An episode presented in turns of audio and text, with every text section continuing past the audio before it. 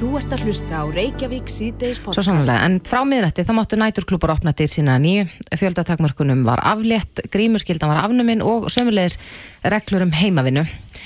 Áhugavert þó að Boris Jónsson, fórsetisráð þeirra, hann, er hann byðlar til fólks að hafa varan á og hann hvetur til bólusetninga en, en hann er sjálfur í sótkví.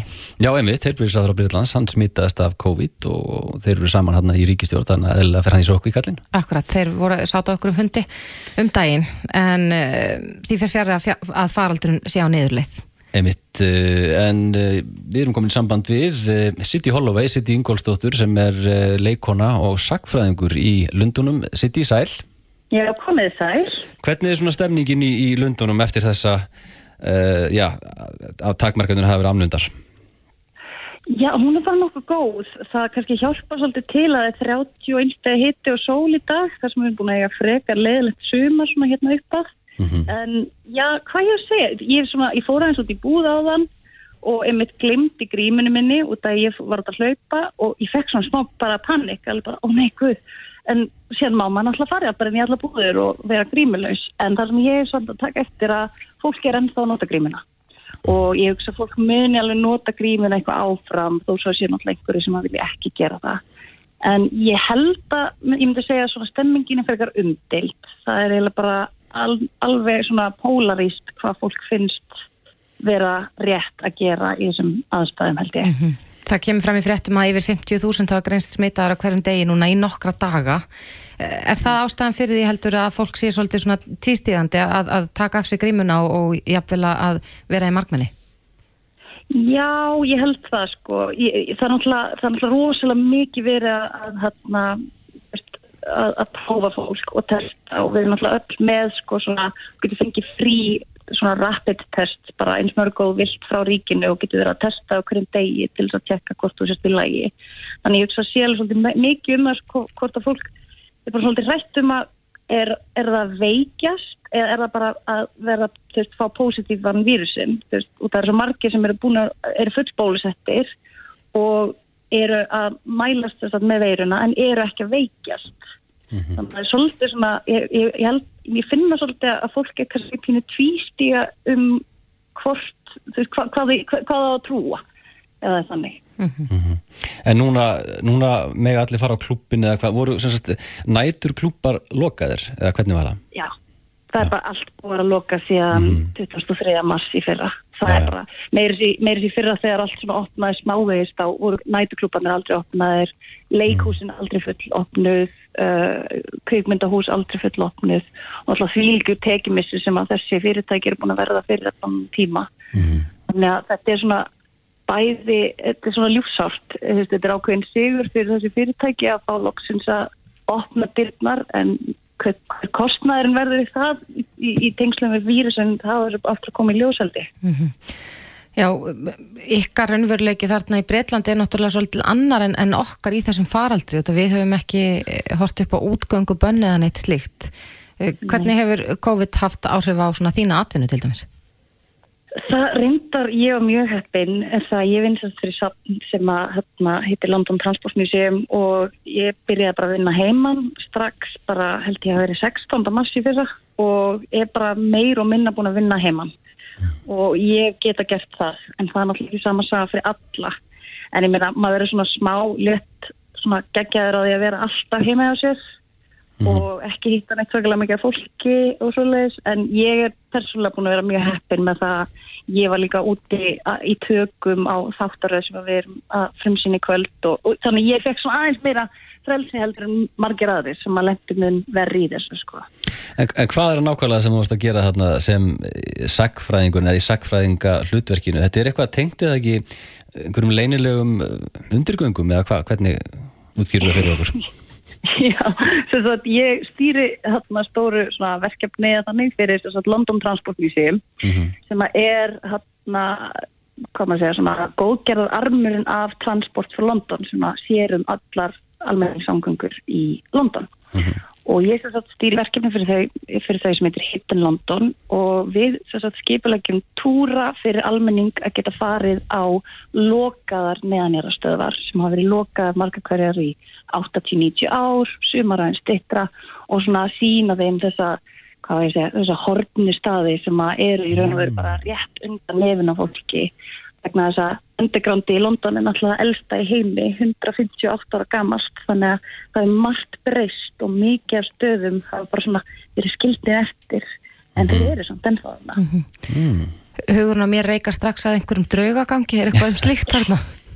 Það er alltaf einhverja sögur sko. Ég persónulega hef aldrei lengt í nefnum draugum og, hana, og, og finnst bara allt í lagi að vera í þessum svona, frekar dimmu göngum stundum.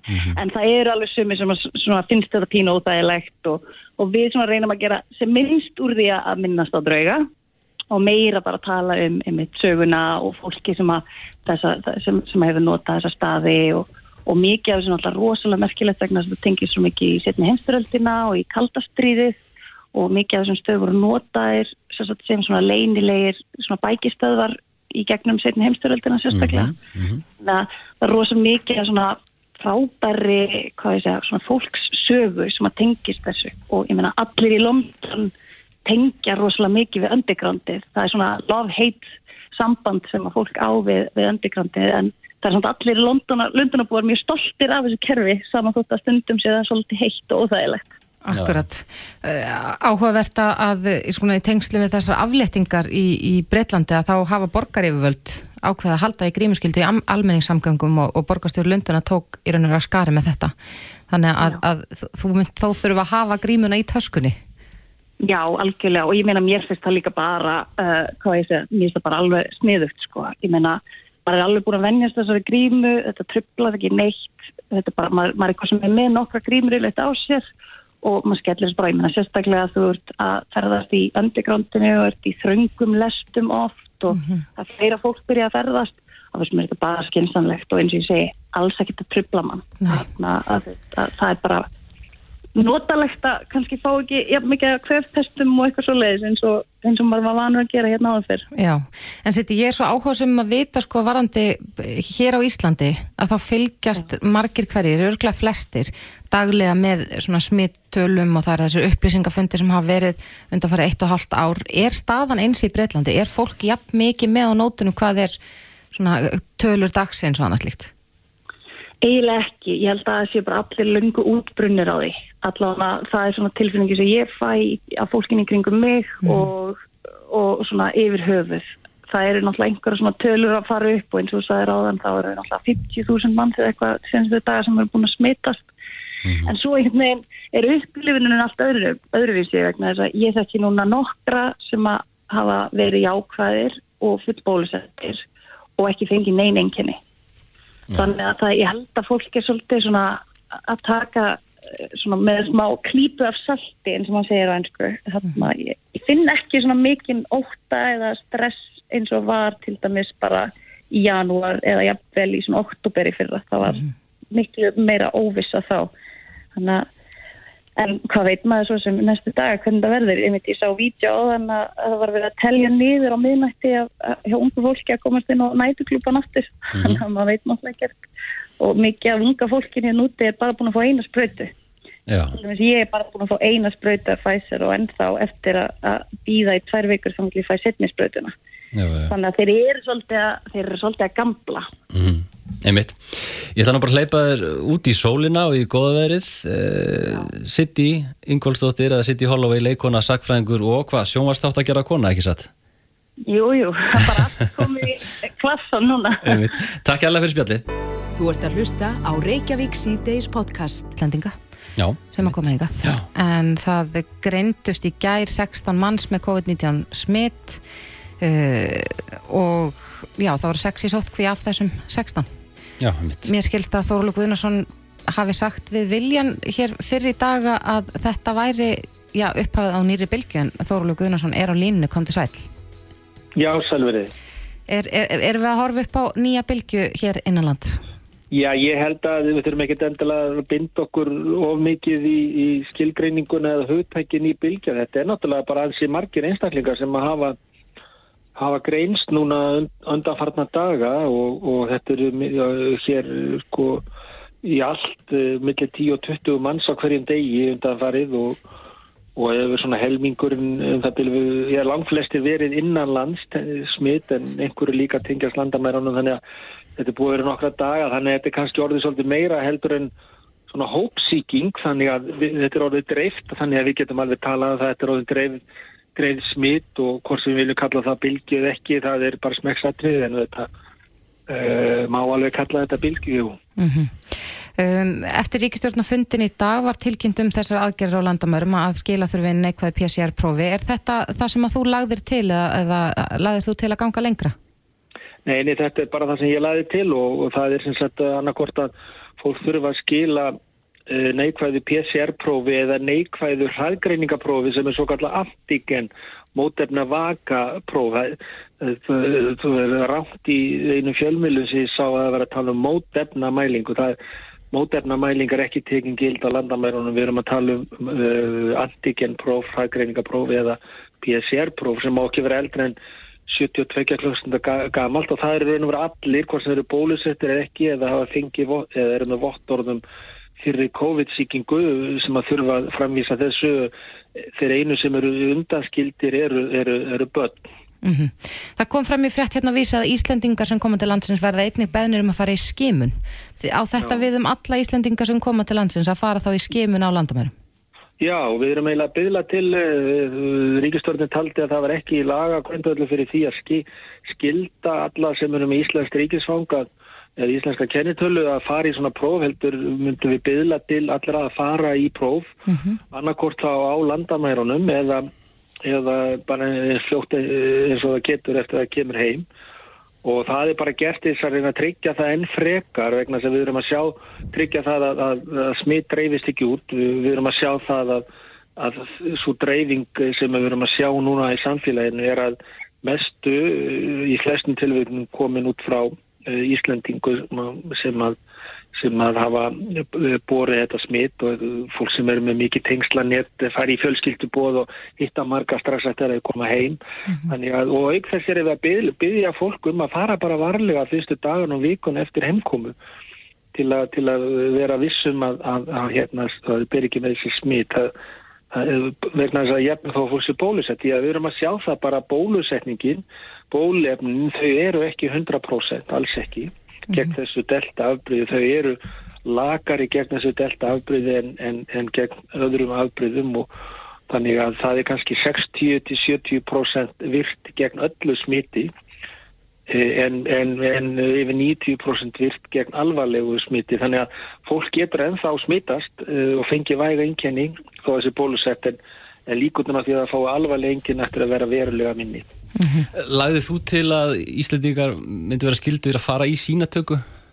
Já, ég lagði það til en, en ég, með höndlun ríkistörnarinn og eftir skoðin hjá þeim og þá taldu þau að það var ekki, ekki lagalegu grundvöldu fyrir að gera það þannig að en ég lagði til að ef að það var ekki hægt að þá væri til vara kemur við út með tilmæli og myndum byggla til allra sem eru með Íslands ríkisfang eða Íslandingar og eða þeir sem að væru hér með svona mikið tengslanett, fjölskyldu tengslanett og svo framvís að þeir færi í, eh, í þessa skimun. Mm -hmm.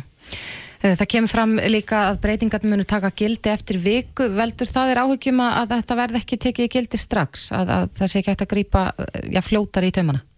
Já, ég hef nú gert að vilja láta þetta taka gildi fyrr og við vorum svo sem búin að undibúa svona alla tæknilega þætti Eh, þannig að þetta gæti tekið gildi fyrr, hins vegar eh, ég veit nú ekki alveg skýringun á því akkur, akkur þetta tekur viku að taka gildi, það kann að vera að sé vegna þess að það þurfu fólk sem er í Íslandingar til dæmis sem eru erlendis og fólk sem er að koma hingað þurfu eitthvað fyrirvar á þessu eh, að sem aðráðun eitthvað hugsanlega, mm -hmm. það kann að vera skýringin. Akkurat, en ég held að það sé nátt að segja það að fólk er svona svolítið ringlað yfir þessu ástandi sem er að skapast núna um, trúin á bólusetningar hefur já, ekki sem slík farið minkandi en, en hins vegar þá held ég að flestir hefur haldið þetta þetta myndi ekki koma upp. Kom þetta þér á óvart að bólöfnin væri ekki með meiri vörn en, eh, römbri vitni? Nei, alls ekki. Ég er búin að tala um þetta allan tíman og ég er nú búin aldrei búin að tala oft í í fjölmiðlum og ég er búin að segja allan tíman að við þurfum að vera tilbúin uh, að endur skoða það, uh, endur skoða faraldun, endur skoða okkar aðgerður og okkar nálgun eftir því hvað, hvaða afbríði veirunar eru gangi og hvernig bóluefnin muni virka. þannig að þetta á ekkert að koma óvart eh, alls ekki, þetta kom ekkert kom ekkert mér sérstaklega óvart en auðvitað hefði ég gætna vilja að sjá virknina bólefnunum meiri sérstaklega uh, til að koma í veg fyrir bara all smitt eins og var í byrjun þegar önnur afbreyði, fyrri afbreyði voru rannsökuð að þá virtist virkni vera bara 80-90% og það hefði verið bara mjög fínt. En, en, en þetta er minni virkni en það, það er ekkert þetta að segja við því. Við verðum bara að kingja því eins og e, þeim frettum og, og bara aðlaða okkur að því og það á ekkert að koma fólki óvart vegna sem við erum ennþá í miðjum, miðri baráttu við þennan faraldur og þurfum að aðlaða okkur að öllum svona nýjum breytingum sem að koma upp og það er örglega eftir að koma fleiri nýjar breytingar sem við þurfum að aðlaða okkur að því að eh, faraldurinn ennþá í gangi erlendis og það er eftir að koma fram nýja afbreyði og, og, og, og nýjir hlutir sem við þurfum að, að endur sko okkar afstöðu til. Akkurat. Já, ég held að við, við þurfum bara öll að taka höndum saman og eh, já, minna okkur á það að þetta er ekki búið. Alls ekki búið. Nei, þetta er ekki búið, en þetta er, þetta er leiðilegt en það þýðir ekkert að tala um það, þetta er bara sem er veðrið hérna á suð, suðvösturhotnin að vísi sólina aðeins hann að gæjast núna en, en við erum bara ósátt við það að hafa svona leiðilegt veður hér með þennan svona gott fyrir austan en Akkúrat. við getum ekkert gert í því. Nei, Huga að sóttvörnum ekki satt? Absolutt, allir, hvort sem eru bólusettur eða ekki, huga vel að öllum sótverðnum alltaf. kannski ein spurning í lókin, Þórólfur, er þessi smitt sem hafa greinst undanvarna daga, það hefur mikið verið talað um sko skemmtana lífið og, og svona markmenni, er eitthvað sammert með þessum einstaklingur sem hafa verið að greinast eh, núna á síðustu dögum? Nei, þetta er sko gætna þannig, svona var líka þriðabilgjan, þetta byrjar smittin, byrja að dreifast út á, á svona stöðum þess, í skemmtarnalífinu, það sem er margir samankomnir og er ekki að gæta að sér og, og þessir aðila fara síðan út og heim og inn í, í fjölskyldu og vinahópa og, og hérna vinnustadi og, og, og dreifa því þar og þetta er það sem við erum að sjá núna. Já, Þórólfur Guðnarsson, sóttvartanleiknir, takk að kærlega fyrir þetta. Já, takk fyrir það, bless, bless. Bless. Hlustaðu hvena sem er á Reykjavík C-Days podcast. Það eru rúmlega 11.000 uh, keppendur á leikunum uh, í ár þannig að þetta eru ansi margir sem að koma þarna saman. Já, svo sannlega, en ég er hins vegar búin að lesa þó nokkrar frettir af því að sóttvarnar aðgerðir inn í Ólimpíu þorpinu eru gríðarlega miklar. Það er engir áhorfendur, uh, það er gríðarlega mikil hólfaskipting og mér skilst að það sé leiðin sem þeir fara að þess að ná smitunum nóg snemma. En við erum komin eh, með á línuna Andra Stefánsson, aðal fararstjóra eh, Íslensku Ólimpíu farana og hann er stattur í Tókjó, komdu sæl. Já, komið sæl.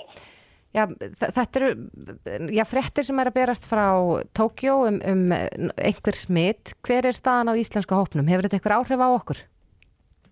Nei, í sjálfu sér ekki. Við erum nú komið hérna fjórir inn í Ólimpíu Þorpið, tveir keppendur og tjálfari og, ég og síðan er hlut í æfingabúðum hérna rétt fyrir, rétt fyrir utan Þorpið getur sagt, svona í útjæðri Tókjó og uh, það sem er í kringum okkur, það er náttúrulega bara mjög mikið passað upp á allt reynati og, og sóttvarnir og ég hef nú maður náttúrulega bara að kynast íms á Íslandi svona undarfærna mánuðu og ári en, en hér er þetta komið bara á næsta næsta stík, getur maður sagt, að mjög vil passa upp alla þessa þætti.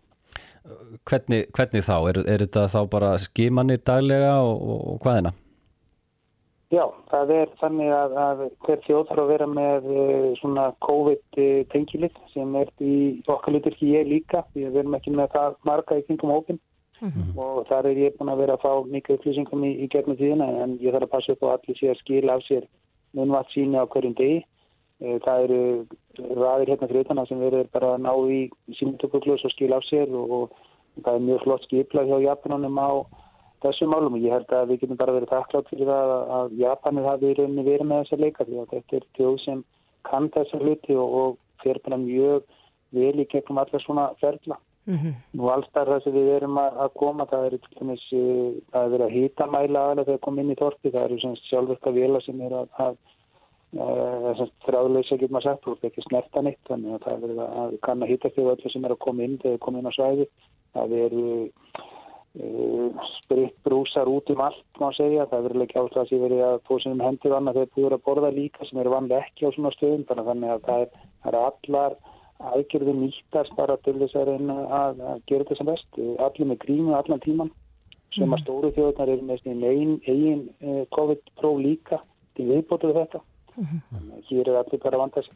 Hvernig var að- fara úr já, þessum frelsi sem að ríkt hefur hér á Íslandi og, og út í, í þessar mjög ströngu aðgerðir? Það var svolítið skrítið. Ég er ekki búin að ferðast uh, í rauninni fyrir en já, síðan janúar á síðasta ári. Þannig að það að fara svona allt í nefnir listu var tilbygging, getur maður sagt. En síðan að vera með grímuna meira minna síðan þá, það eitthvað sem maður er kannski ekki að velja að, að vera út í framfúðar. En, en um, þetta er þetta er svolítið skrítið en á sama tíma eins og fórstitt aldrei olimpíunum það var annarkost að þetta er með þessum hætti eða er engi leikar og fyrir íþróttafólki sem búið að keppa því að komast inn á þetta mót og inn að standa sig og, og ná í velun og, og, og setja metið til þá er þetta rauninni líka bara leiðin til þess að gera þennan dreyma veruleika. Akkurat. En hvernig er hljóðið í ólimpíu förunum? Er, ertu í, í stöðu sambandi við þau?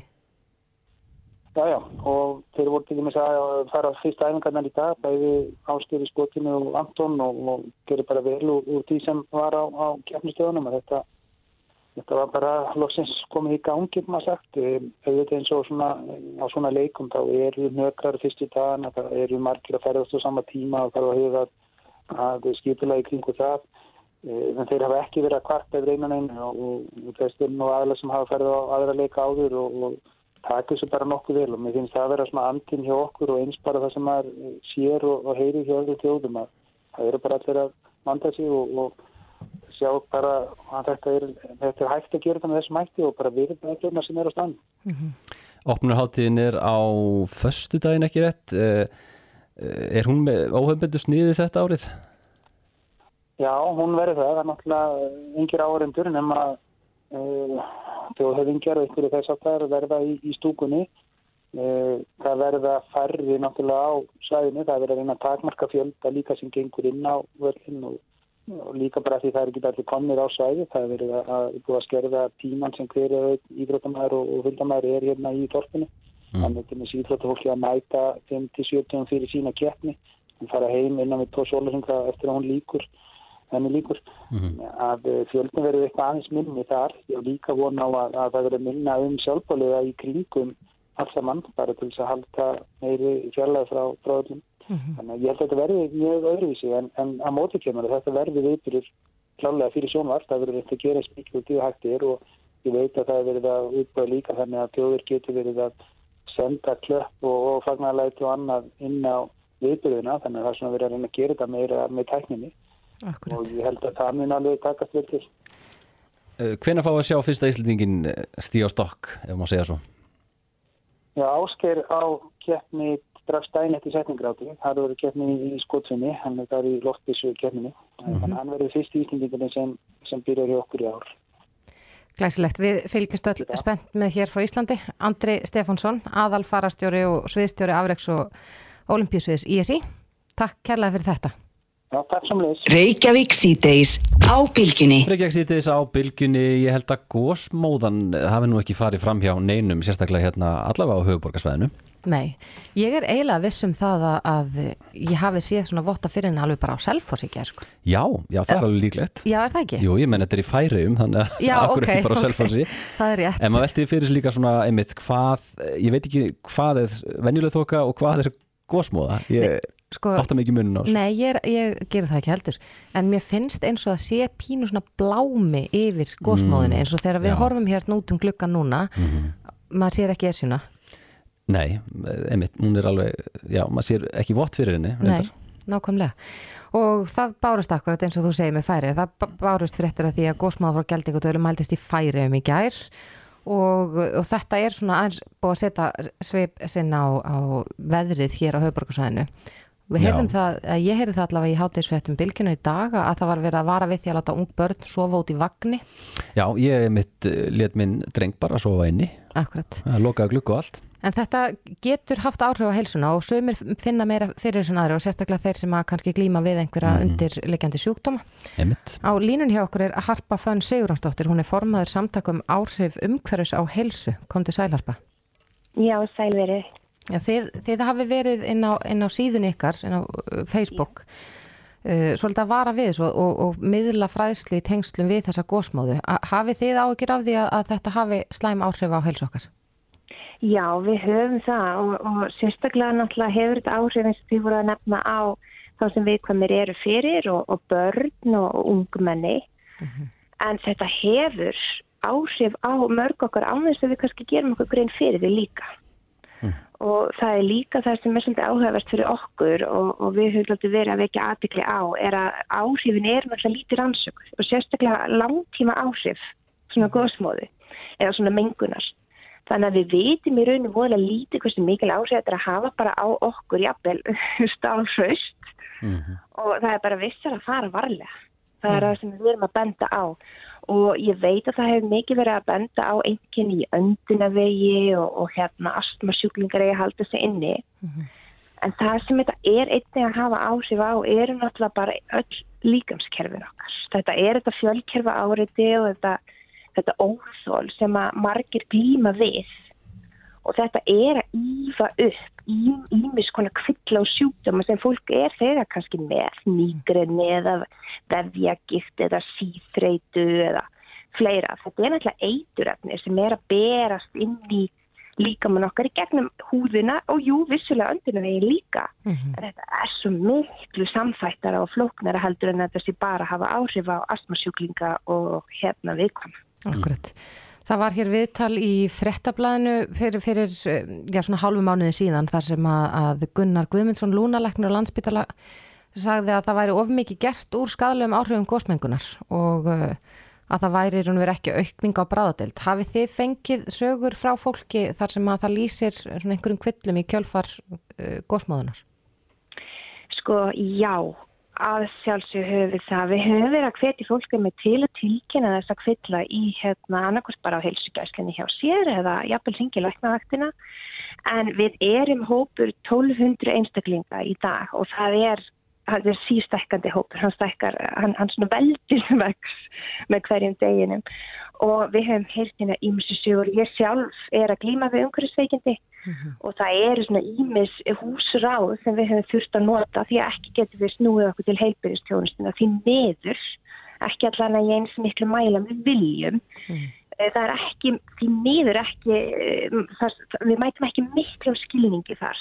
Það er oft svona einmitt eins og þú kannski nefnir og ég er líka búin að nefna það er ekki búin að rannsaka þetta nógu vel og það er ekki alveg hægt að setja fingurna nákvæmlega hvað gósmóðan er að valda þegar ég fæ mína bólgur og mín, mína síþreitu eða hvað nákvæmlega eitthvað annað getur verið að spila inn í.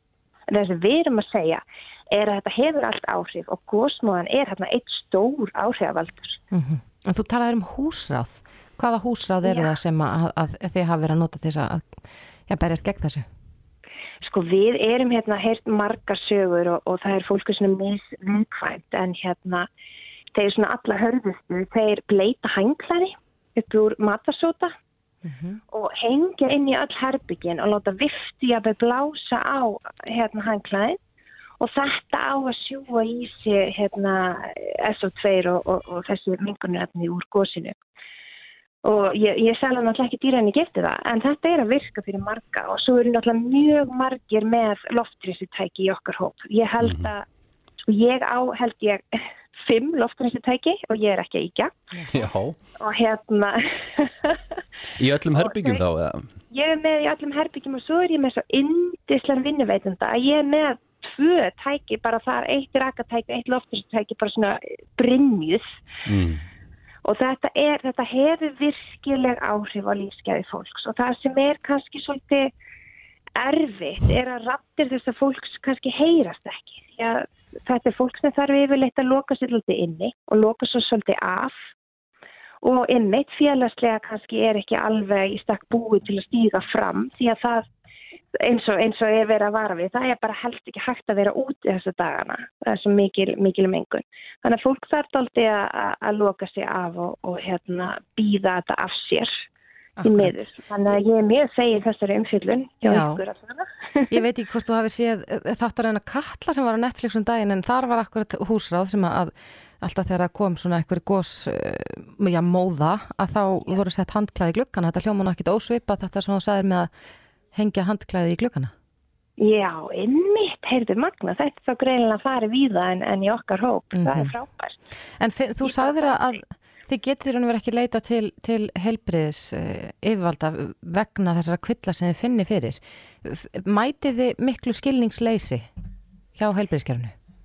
Sko, við höfum verið að gera það. Þetta hefur, það eru mjög margir í okkar hópi sem hafa vext í kjölfar við miklusöppa veikinda og, og rakaskenda. Uh, það veriðist vera sem ákveði svona áreiti, svona rosalegt áfall á kerfin okkar ífi upp ímis, önnur óþól, þannig að maður verði í rauninu um, fái bara rauninu umhverfis óþól Mm og það er ekki komið næg, nægilega mikil skilningu fyrir þessu í heilbyrðiskerfinu. En það er að lagast og ég verð að segja, og þeim með ég ekki hengja mig fyrir, en þökk COVID, þá er að auka skilningur á þessu ímsu fjölkerfa áhrifum sem til dæmis veirur, bakterjur, raki, mikla, uh, mengun og ímislegt, ímislega önnu efni er að hafa áhrif á kerfinu okkar. Akkurat. Já, en þið hérna á Facebook síðan ykkar þá bendið félagsmönnum, ófrískum konum, foreldrum, ungmönnum, börnum og öðrum að fara varlega og hlúa að sér eh, þegar að gósmáðan er jafn mikil og hún hefur verið núna síðustu daga.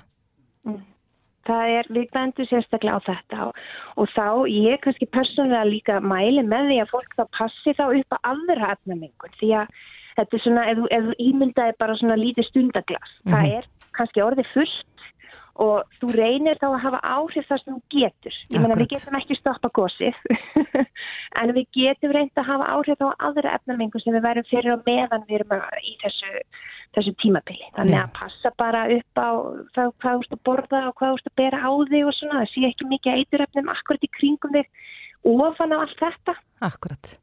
Já, þetta er áhugavert. Harpa Fönn Sigurjónsdóttir, formaður samtaka um áhrif umhverfis á heilsu. Kæra þakki fyrir þetta. Já, takk sem ég leiðist. Þetta er Reykjavík C-Days podcast. Reykjavík síðdeis á bylginni heldur áfram. Við heyrðum hérna áðan í, í Þorlu Guðnarsinni og það eru þessar hertu aðgerður á landamærunum með að nú verður beðið alla sem inga koma um að skilin uh, PCR-prófi. Mm -hmm. Uh, Frankóttastjóri samtaka ferðarþjónustuna segir að þessu alvarleg vombrið að stjórn- stjórnvöld hafi ákveðið að eh, krefja bólusetta ferðamenn um neikvætt COVID-19 prófi landamærin. Já, hann segir líka að, hérna, að ríkistjórnin hafi ekki staðið lappirnar í þessu máli. Akkurat. Um, Áslu Arna, Sigurbjörnsdóttir, dómsmálaráþur er hingað til okkar komin. Kom til sæl. Já, þú heyrir hvað hva Jóhannes Þór hefur að segja við þessu. Ertu, hvernig tekur slíkri gaggrina því að hafi ekki staðið í lappirnar? Þarna var auðvitað farin mildari leið en lögð var til með því að leifa líka samþykja hraðpróf sem er uh, talsveit aðgengilegra að fá og ódýrara fyrir fólk. Uh, að samanskapi bindi auðvitað voni við það að þessar aðgerið séu óþarfi en hafi líka ekki of mikil áhrif uh, uh, á uh, þá sem vilja koma hinga til landsins. Um, og við erum auðvitað svona, þetta kannski að mínum mati stingur aðeins í stúf uh, við uh, svona traust okkar á bólusetningunum og vonir mínar allavega persónlega sem stóðu til þess að þegar búið að bólusetja eins marga og við mögulega getum hérlendis eins og við erum búin að gera hátt í 90% af hérna, fullótu fólki hér á landi að, að þá stæði ekki ógn af uh, bólusettu fólki sem ferðaðist hingað. Um, og auðvitað er maður uh, alltaf að reyna að horfa til þess að koma lífinu hér í samt horf hvort sem það er bæði innanlands og við landamærin. Og, og það sem maður hefur kannski áhyggjur er að þessi raukirðu síðan einni nótu til að fara í innanlandstakmarkanir þegar uh, staðan er bara orðin önnur Var, var, uh, þið voru að fundi morgun ríkistjórnin, var einhugur innan ríkistjórnin um hvaða leið skildi farin uh, meða við tilugur sóttarnalegnis? Já, það var auðvitað ymsta spurninga hérna bara spurt og þetta rætt og hérna og það var svona velt bara upp eins og komið við fram hvort það væri nægilegar rauksemtir á bakvið að fara í þessa leið núna með að við eh, veikindi fólks af COVID sem smita sem þegar orðið full bólusett. Mm það sem maður spyr sig auðvitað að bara er hvort að reynsla landa sem eru komið langt í bólusetningu við kamur að hópa til dæmis uh, gefið tilefni til að ætla að álága heilbriðiskerfi og útbreysla veikindana uh, réttlæti að nýju umfóðsmiklar sótvarnarástafanir og það er auðvitað það nýja mat sem þarf að fara fram hversu, vei, hversu skæð veiran er á bólusett fólk að við hvernig hún var þegar bólusetningar voru ekki inn í myndinni Nei.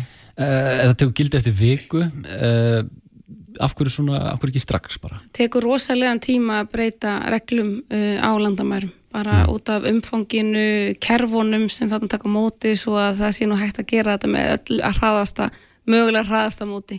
Mm. síðan er þetta skilda á flugreikendur sjálfa sem þurfa að ganga og skugga um það að þeir ferðamenn sem hérna hinga að koma til lands er, séu með þetta meðferðis, þannig að það þarf auðvitað að breyta þessum og koma skilabóðunum áleiðis og ekki rétt að leggja til svona breytar aðgerðir með skemmri fyrirvara. Mm -hmm. Artgrimur Guðmundsson aðstofar yfir lauruglu hjá flugstöðadeildinni á, á, á Suðunissunum uh, hjá lauruglun á Suðunissum hann var í viðtali um helgin og talaði um að keflauguflugullu væri að nálgast þólmörk við erum auðvitað að sjá að það er mikill uppgangur í ferðarþjónustunum, það er mikið fleiri, fleiri ferðarmenn að koma en, en við vonuðumst til. Já, það er búið að vera frábært að sjá fólk koma og hafa áhuga í Íslandi og þetta eru mest megnist bólusett fólk en það er við enda með mjög hardar aðgerðir uh, hérna á landamærum uh, fimm daga sótkví og tvær, þrjár skimanir fyrir fólk sem er ekki bólusett um, og þetta verður haft greiðilega áhrif á Íslands efnagslíf og fyrirtæki og störf fólks hérna við um land. Og um, það eru þetta þannig að völlurinn okkar við verðum bara að geta annað þeirri eftirspur sem þar er. Mm -hmm. um, og við getum ekki réttlægt einhverja takmarkanir á landamæri eða reglur út af því að við ráðum ekki við fjöldan uh, það verður alltaf að snúast um vend gegn líf og heilsu fólks uh, um þennan faraldur þannig að við verðum bara að undirbú okkur þannig á vellinum að við getum tekið við þeim fjölda sem kemur hverju sinni Heldur að þetta muni hafa áhrif, þessar nýju reglur? Mun þetta hæja enn meira afgræsli þar? Nei, ég myndi nú freka að telja að með þessu er þetta líklega einhver fækkun í komuhingað. Uh, nú eru við, það eru ekki mörg, ef einhver eitthvað Evrópuland með aukar kröfur á bólusett að ferðamenn. Þannig að hérna, það er spurning hvort að Ísland verði ennþá jafn spennandi valkostur til að fara eftir þessar ákvarðanir. Mm -hmm. síðan er þetta skildur, skilda sem settir á flugreikundu sjálfa þannig að það þarf að ganga úr skuggum þetta áður en fólk kemur hinga þannig að þetta ætti ekki að þingja afgræslun og kemla eitthvað flugulli En samkvæmt þessum nýju reglum að, að þá lagði Þórólfur til að Íslendingar sem koma til landsins verði verði gert að fara í skimun en núna eru regluna þannig í raun og verið að það vera að byðla til fólks að fara í skimun. Mun það vera gert á, á, upp á kemla ykkur flugvilli og mun það þá hæja á ágræslunni? Nei, ég myndi ekki telja það. Þú færð SMS þegar þú ert búin að fara í gegnum ágræsluna með ákveðnum skilabóðum um hérna, stöðuna og það er hægt að laga þau til eftir þessum tilmælum mm -hmm. um, og það verður auðvitað bara að finna út úr því og gera það allt sem við getum til að ágræslan þar verði eins hröð og mögulegt er. Um, við erum auðvitað bara að taka móti fólki til landsins og það fara sumir þarna en þá í skimun á hérna landamærunum og aðrir eru bara með þetta vottorð, bólusetningavottorð og langt flestir og við verðum bara að tryggja það að þetta gangi smurt og vel fyrir sig Já. Þannig að þetta er svona einmitt pælingin bara þegar maður kemur til landsins, þetta er svona siðferðslega hvort maður eigi að, að skella sér í skímun eða ekki Já, það er auðvitað uh, bent á að allir eigi að koma með þessi vottor áður þau farum borð, en mm -hmm. það er mhm. ekkert að neyta bent Íslandingum um að fara heim til sín þannig að Nei. þeim er síðan þeir kvartir til að fara í skímun hér þegar þau koma heim mm -hmm. Er þessar hertu aðgerðir uh, óþarfar að þínum aði? Uh, ég vona að það verði reynist óþarfar, ég vona að veikindi fólk sem fær COVID og er full bólusett verði ekki alvarleg, mm -hmm. eins og bundið var vonið við Akkurat Ásla Arna Sigurbjörnsdóttir, Dómsmálur að þeirra. Takk kærlega fyrir komina. Takk kærlega fyrir mig.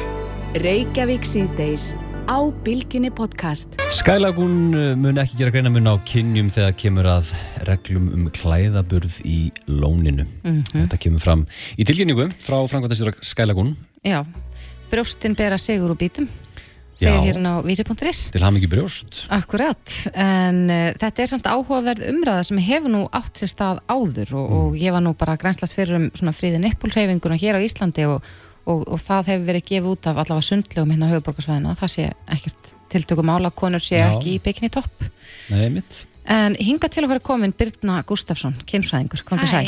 Hæ, hæ. Ja, þetta er eitthvað sem að kemur reglulega upp í umræðina. Já, uh, algjörlega. En um hvað snýst þetta? Hvers vegna er, er, er svona mikið tapu í kringum brjóst hvenna? Mér finnst að, um, þú veist bara sem kynfræðingur, að flesti sem að koma til mín og er að segja að þeim finnst óþægilegt að fólk er kannski að líta á brjóstin þeirra sem uh, þú veist hlut og þú veist líka kynfræslan hlut sem að þú veist þeim finnst ekki að það sé sagt um líkvannsinn mm -hmm. og þú veist þetta er þessi lína svona þú veist er fólk að horfa á þig sem kynvera með brjóst og þú veist brjóstin þín er part af þú veist þú veist, kynlífinu þinni og eitthvað, eða ertu bara manneski í sundi sem er bera ofan, þú veist, þetta er svo alveg gjör ólík veist, skoðun á líkamannum og það er það sem er oftast vandamáli fyrir fólk, ef þau halda bara, mér finnst bara þægilegt að vera að bera ofan versus eitthvað annan sem að horfir á bara, þau eru að gera í því að gera eitthvað kynfræðslegt hérna í, í lauginni eða eitthvað mm.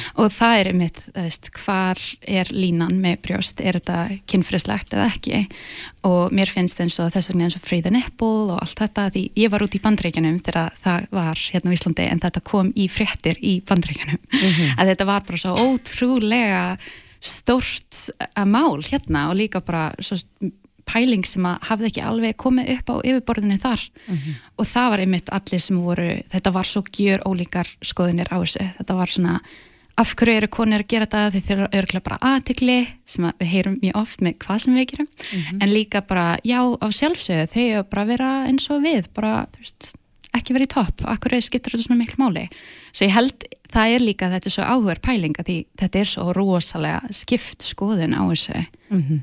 Já, maður heyrir það alveg og hefur séð kannski á umræðin eins og samfélagsmiðlum um, um helgina að, að það er annars vegar þetta sko, er, eru, þetta snýst einhvern veginn alltaf samt um viðhorf þeirra sem að eru ekki byrða Já, ymmit, það er það sem er svo áhugavert því það er enginn að spyrja á en hvernig finnst þér að vera að byrja ofan? Þú veist, hvernig, það er bara því við erum svo oft að líta á aðra líkama eins og við hugsum um líkaman okkar. Og svo ef þú ert hvaða kyn sem er og þú, finn, þér finnst samt að konur sem eru að bera ofan að það sé eitthvað kynfræslegt þá myndu horfa á eitthvað annan þannig. Svo ég held að það líka, þú veist, þetta skiptir svo miklu máli hvernig við horfum á líkum okkar og líka bara í hvað menningar heim við erum. Eins og ég sagði, þú veist, ég er frá bandaríkjunum og þar er bara brjóst geta verið í auglýsingum það getur verið bara að selja vodka, selja miða á eitthvað sportleik, bara þú veist hvað sem er skilur en það ekki, það var bara nýlega núna um, leift að gefa brjósti í almennings svona rými í öllu fylgjum. Svo þú veist hvað ég meina, svona þetta var svo kynfræðslegt, þetta mátti samt það mátti sjá brjóst í hvað uh, þú veist, tímarit í í gas station, hvar sem er skiluru en þú máttur ekki gefa barninu að borða þar inni. Þú veist, veist hvað ég meina, svo þetta svolítið þetta er bara kynfræðslegt oft í bandreikinum, þetta er að breytast á sjálfsögðu, en þess vegna eins og hérna í skælegugum, þá voru svo margir Íslandingar sem voru bara, hei, en er þetta ekki lögum, lögum hérna, þú mátt ekki mismuna fólk gagvart kyn, kynneið og þannig? Og þá voru það skælegun saði að þau eru að taka inn alls konar fólk frá mismyndu menning, menningarheima og svona svo sjálfsög, þú veist, vilja þau fylgja reglum sem að gera alla happy. En það er þessi lína svona, en þú ert á Íslandi ertu, þú ferði styrta og þú fer onni, akkur getur ekki gert þetta líka bara verða líka með aðra eins og við gerum, svo þetta var svolítið það líka, þetta er svona sniðu pælinga hvernig menningarheimar veist, hugsa um brjóst er svo gjör ólíkt líka. Já. En það er akkurat þetta. Er við, er við komin lengra heldur en mörg- mörg önnur lönd hvað þetta varðar? sko með brjóst þá myndi ég segja já held ég. Um, líka bara því þú getur á sjálfsög bara allur líkamannin getur verið kynfræslegur skilur að nota kynfræslegri kynferðislegri, það er ekki orð en þú fattar hvað ég er að segja. Á kynferðislegan máta já, en þarna en á sama tíma um, þetta er líka bara partur líkamanum og það er einmitt þessi pæling svona þegar maður er yngri eins og ég var að segja í dag þarna ég man þegar ég var pínleitil ég var ekki shop þú veist ég bara fór í sund, bara bera ofan þá þegar ég var svona átt ára mér fannst bara skrítið að vera að bera ofan og ég vildi fara í topp, ég vildi vera í sundból ég vildi, en ég var ekki komin með brjóst en af hverju tók ég þessi ákvörðun þú veist, það var því ég var svo meðvitt um hvernig aðrir voru að horfa á mig. Núna allt í einu er ég að horfa á líka með minn líka kynfræslega og þetta er líka þessi pælinga stundum bara finnst fólk þægilegra og þeim er alveg sama þó að aðrir er að horfa á þig eða ekki. Og stundum er fólk sem er bara um, þetta að því það er ekkur sem gæti hort á þig kynfyrirslega hérna inni þá er við að bara banna þetta. Svo þetta er, þú veist, ég veit ekki alveg ef við erum miklu þú veist, á undan eða eitthvað heldur en önnur lönd en mér finnst bara samband við hvar ég er uh, hvaðan ég er, þú veist, í bandreikinum þá já, finnst mér þetta. Þú veist, eins og þessi pælinga bara vera að bera ofan er stundum bara so crazy fyrir amerikana sko. svo ég held að já, á sama tíma held ég að við erum aðeins kannski undan eða Já, akkurat, en, en það er líka bara áhugavert að pæli eins og með, með samfélagsmiðla Já. að, þar til dæmis eru kvenkins gerustur ekki leiðar en, en karlkins Ymmit, ymmit. Svo ef þú setur mynd af þér bera ofan en þú klippar út gervörstuna þínar og setur bara gervörstur á ökra kallmanni, það er ok. Þú hefur séð kannski, það eru nokkra myndir þannig. Akkurat, það voru, voru þó nokkur að deila þannig myndum í dag Þú veist, og maður er svona, ok, hvað er munurinn? Þú veist, erum við ekki öll með gervörstur? Hvað er the issue hérna? Um, en þetta er bara, fer aftur í enn sama punkt, bara, er þetta kynfyrirslegt eða ekki? Eru við kynverur, já, en þú veist, eru brjóstin okkar fyrir alla til þess að horfa á kynfyrirslega? Nei. Svo, þú veist, en það eru sumir sem að finnst það já, svo þetta er svo flóki mál held ég að því þetta er svo einstaklingasbundið, sko. En um, ég gæti tekið mynd af mér, bera ofan og sett bara þú veist, gervörtunar af þér bara, ó ná. Já, mér, já, já. Ekki af mér svo, nei, það mátti ekki. já, já, þú, já, já.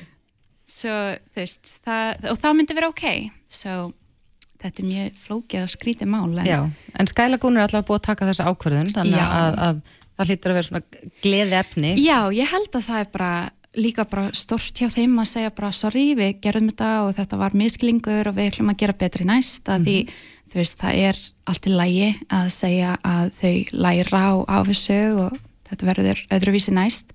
Þú veist, við þurfum líka að vera með pláss fyrir það held ég, sérstaklega á samfélagsmiðlum. Bara, ok, þetta skeiði og þetta breytist og vonandi næst þegar ekkur vil vera bera ofan, þá er það allt í lagi. Og verið tekið betur á móti. Já, Þeim. vonandi.